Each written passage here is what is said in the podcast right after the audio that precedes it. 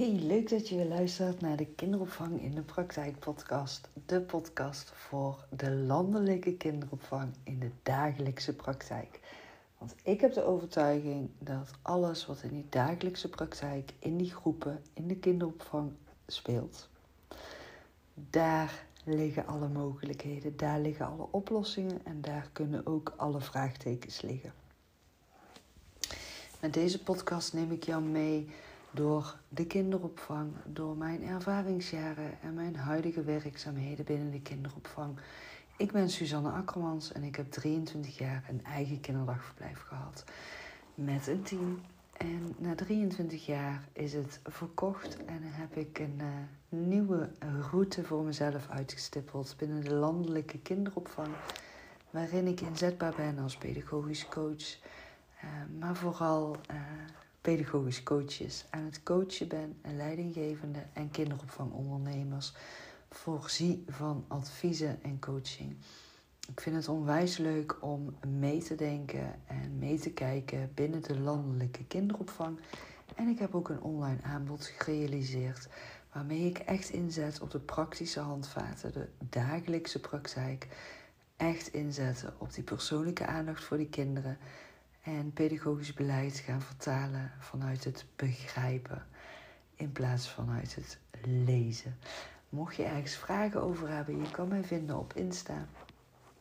Suzanne Akkermans of mijn kinderopvangpagina op Insta. Kinderopvang in de praktijk. En verder kan je ook een bezoekje brengen aan mijn website gewoonsuzanne.com. Suzanne schrijf je met S-U-S, anders kan je mij niet vinden. En je mag mij natuurlijk ook altijd een mailtje sturen. Suzanne.gewoonsuzanne.com Heb je specifieke vragen die je graag beantwoord zou willen hebben? Loop je ergens op vast? Wil je successen vieren? Um, ja, heb je andere feedback voor mij? Ik vind het altijd heel erg leuk om van je te horen. En ik zou het ook super leuk vinden als je een screenshot zou willen maken van de aflevering en die zou willen delen en mij daarin zou willen taggen zodat we alleen maar meer mensen binnen de landelijke kinderopvang weten te bereiken. En dat dat uiteindelijk allemaal weer terugkomt bij de kinderen. Ik wens je heel veel luisterplezier vandaag. Hey, leuk dat je weer luistert naar de podcast Kinderopvang in de praktijk. Nou, ik uh, ben uh, ja, eigenlijk uh, nu bezig met mezelf klaarmaken voor een etentje samen met mijn zoon. mijn oudste zoon. Ik heb uh, een tweeling, twee jongens. En uh, met de oudste ga ik zo meteen uit eten. Ik heb ook nog een dochter. En ik moet wel heel eerlijk bekennen, ik vind het uh, heel erg leuk dat ze inmiddels de volwassen leeftijd hebben bereikt. Hoe geweldig ik ook die jonge jaren heb gevonden. Ja, ook dit heeft gewoon weer zijn charmes. En op een hele andere manier weer heel erg leuk.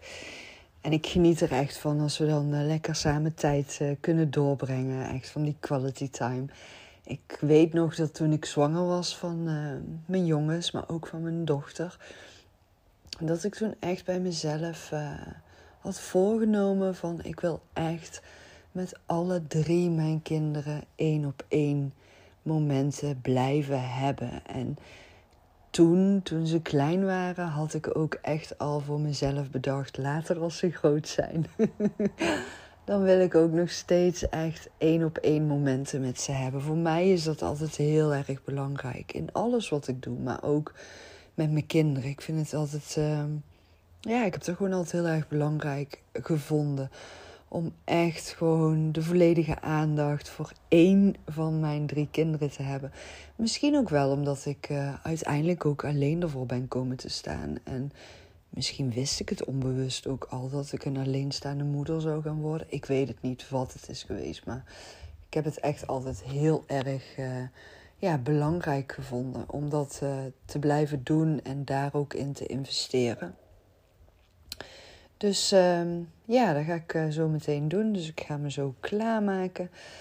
En ja, waarom deel ik dit nou eigenlijk? Nou, vooral ook omdat ik binnen de kinderopvang vind ik het ook zo belangrijk dat die één op één aandacht er voor die kinderen is. Dat je stilstaat bij wat laat een kind zien, waar heeft een kind behoefte aan. En ja, hoe kan je daar op de beste manier op inspelen? Maar ik weet en ik zie ook dat dat niet altijd even makkelijk is om te realiseren. Ehm, terwijl het toch wel makkelijk gemaakt kan worden. Als je wat meer stilstaat bij wat ben ik nu op dit moment aan het doen en moet ik dat ook echt nu doen? Het is ook een van de vragen die ik afgelopen week in de besloten groep van de pedagogische coaches heb gesteld. Ehm, als een coachende vraag ook. Van ga stilstaan bij uh, de werkzaamheden van de medewerkers en hoe zij die ervaren en hoe jij daartegen aankijkt. Wat is jouw invulling en hoe is hun invulling en ervaring en beleving daarin? En wil je dan ook kunnen gaan ontdekken of medewerkers iets als hoge werkdruk ervaren, dan is het ook heel belangrijk om daar bij stil te staan van hoe kijk ik er zelf naar, maar ook om die vraag te stellen aan de medewerkers. Hoe ervaren zij dat wat ze in dat moment aan het doen zijn of juist niet aan toekomen om te kunnen doen? Als je hoort dat medewerkers bijvoorbeeld uitspreken van ik heb het zo druk en ik moet vanavond nog uh, mentorverslagen uitwerken of ik moet vanavond nog een thema voorbereiden dat is een ingang om daar vragen over te gaan stellen en daar samen in te gaan ontdekken van hoe efficiënt ben je je tijd aan het verdelen gedurende de dag. En waar geef je wel en niet prioriteit aan? En hoe kan je ervoor zorgen dat je prioriteit kan geven aan de kinderen en tegelijkertijd niet in de knoei gaat komen met alle andere taken die er ook zijn. Het is echt wel een kwestie van efficiënt je taken organiseren, je werkzaamheden organiseren, maar ook bewust stilstaan bij dat wat je, wanneer, op welke manier aan het doen bent. En hoe communiceer je ook met je collega's waar je mee samenwerkt maar ook hoe communiceer je als leidinggevende in alles wat je verwacht van een team. We gaan daar, ik denk, soms toch wel iets te makkelijk en te snel aan voorbij. Dat je een mededeling doet of een verwachting uitspreekt zonder erbij stil te staan hoe de boodschap wordt ontvangen door de ander en hoe de ander de boodschap gaat invullen en uitvoeren. Daar valt heel veel winst in te behalen. En vooral ook in het stukje de geluiden horen van uh, het is zo zwaar en het is zo druk. Hè? Weet je wat nu heel erg leeft binnen de kinderopvang? Daarbij stilstaan, wat er wordt gezegd en gaan onderzoeken waar komt dit geluid vandaan? Wat wordt er daadwerkelijk gezegd? Wat wordt er daadwerkelijk ervaren? Welke keuzes gaan daaraan vooraf? En hoe is dit probleem ontstaan? Ehm, ja, ik moet helaas de tijd in de gaten houden. Dus ik ga me een beetje inkorten wat ik allemaal wilde vertellen nu. Want ik wil uh, op tijd klaar zijn om met mijn zoon lekker te kunnen gaan uiteten natuurlijk. Maar ik ben wel heel nieuwsgierig naar ja, hoe ervaren de pedagogisch medewerkers hun werkzaamheden binnen jullie organisatie? Ervaren ze het als een hoge werkdruk? En waar zit dan die hoge werkdruk in? Is dat in de werkzaamheden met de kinderen? Of wordt de hoge werkdruk veroorzaakt door alles eromheen aan taken die er zijn? Wordt de werkdruk veroorzaakt door bijvoorbeeld meerdere baby's in een groep die slecht slapen of slecht eten of veel huilen? Of worden de hoge werkdruk ervaren doordat ze werkzaam zijn met nieuwe collega's? Of zit het in het stukje van we hebben pittige peuters. ja, ik moet erbij lachen, want uh, ik vind pittige peuters, ik zeg het zo omdat ik weet dat het dan een herkenningspunt is. maar ja, ik heb hier al eens eerder een podcast over gemaakt. Ehm, ik geloof niet in het begrip pittige kinderen. Ik kijk daar heel anders tegenaan. Um, maar oké, ik dwaal weer af en ik moest de tijd in de gaten houden. Ik weet niet of je op mijn mailinglijst staat, maar ik heb afgelopen week ook een mailtje verstuurd over um, ja, ongezonde, bekende werksituaties. En met ongezonde, bekende werksituaties bedoel ik dat we vaak gewend raken aan een werkwijze en daar moeite mee hebben om van die werkwijze af te stappen. Ook al, ook al ervaren we de werkwijze niet als positieve resultaten die het op zou moeten leveren. Dus je zit in een werkwijze die alleen maar ehm, ja, negatieve resultaten met zich meebrengt. Dus dan zit je in een ongezonde, maar vertrouwde, bekende werkwijze. En als je dan wil gaan bewegen naar een gezonde, onbekende, dus nieuwe werkwijze, dan vraagt dat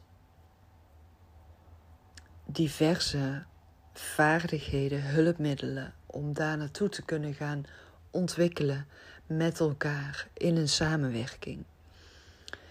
En als je bijvoorbeeld een hoge werkdruk signaleert, dan zit daar heel vast een ongezonde, maar bekende werkwijze aan verbonden.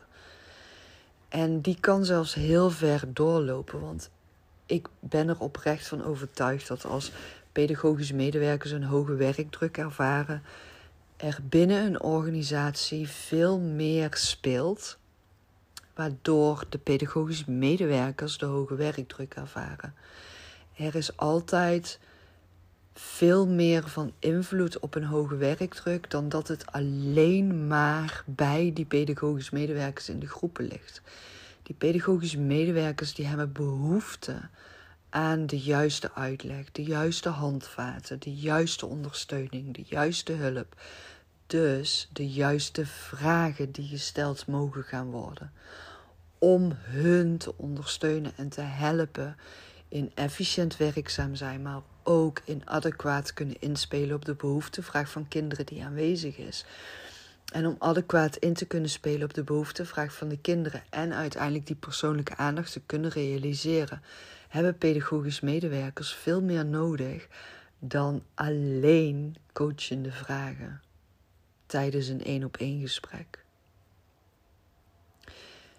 En dat is waar ik in mijn mail van de afgelopen week aandacht aan heb besteed en uitleg over geef. En waar ik dus ook vanuit een um, compleet nieuw aanbod vanuit stappenplan kinderopvang vorm aan ga geven. Het wordt ook echt een, een jaartraject. Dus ja, daar mag je ook echt de tijd voor gaan nemen. En je moet het echt voelen van dit is Ehm, wat mij en het hele team vooruit gaat helpen. Het hele kinderdagverblijf vooruit gaat helpen. Uh, en niet alleen maar voor de korte termijn, maar echt voor de lange termijn. Je gaat dan echt inzetten op een gigantische ontwikkeling en verandering en groeiproces. En ik kan heel goed begrijpen dat je nu denkt en voelt van ja, daar heb ik nu geen tijd voor. Maar heb je er geen tijd voor of heeft het nu geen prioriteit? En heeft het dan nu geen prioriteit? En wat is dan de oorzaak dat het nu geen prioriteit heeft? Want als er een hoge werkdruk in de kinderopvang speelt, dan zou het vanuit mijn beleving altijd prioriteit moeten hebben. Want een hoge werkdruk gaat niet alleen ten koste van de medewerkers die uiteindelijk jouw organisatie gaan verlaten. Het gaat ook ten koste van de kinderen. Dus ook ten koste van de ouders. Dus ook ten koste van de hele organisatie. Ik laat hem hierbij. Ik ben heel benieuwd wat je hiervan vindt. Je mag het met me delen. En uh, ja, check even de mail. Als je op de mailinglijst staat ingeschreven, check ook altijd even in je spam. Uh, want daar kan hij ook in verdwijnen. Ik ga lekker uit eten met mijn zoon. Ik wens jou een heel fijn weekend en tot de volgende keer. Doei doei!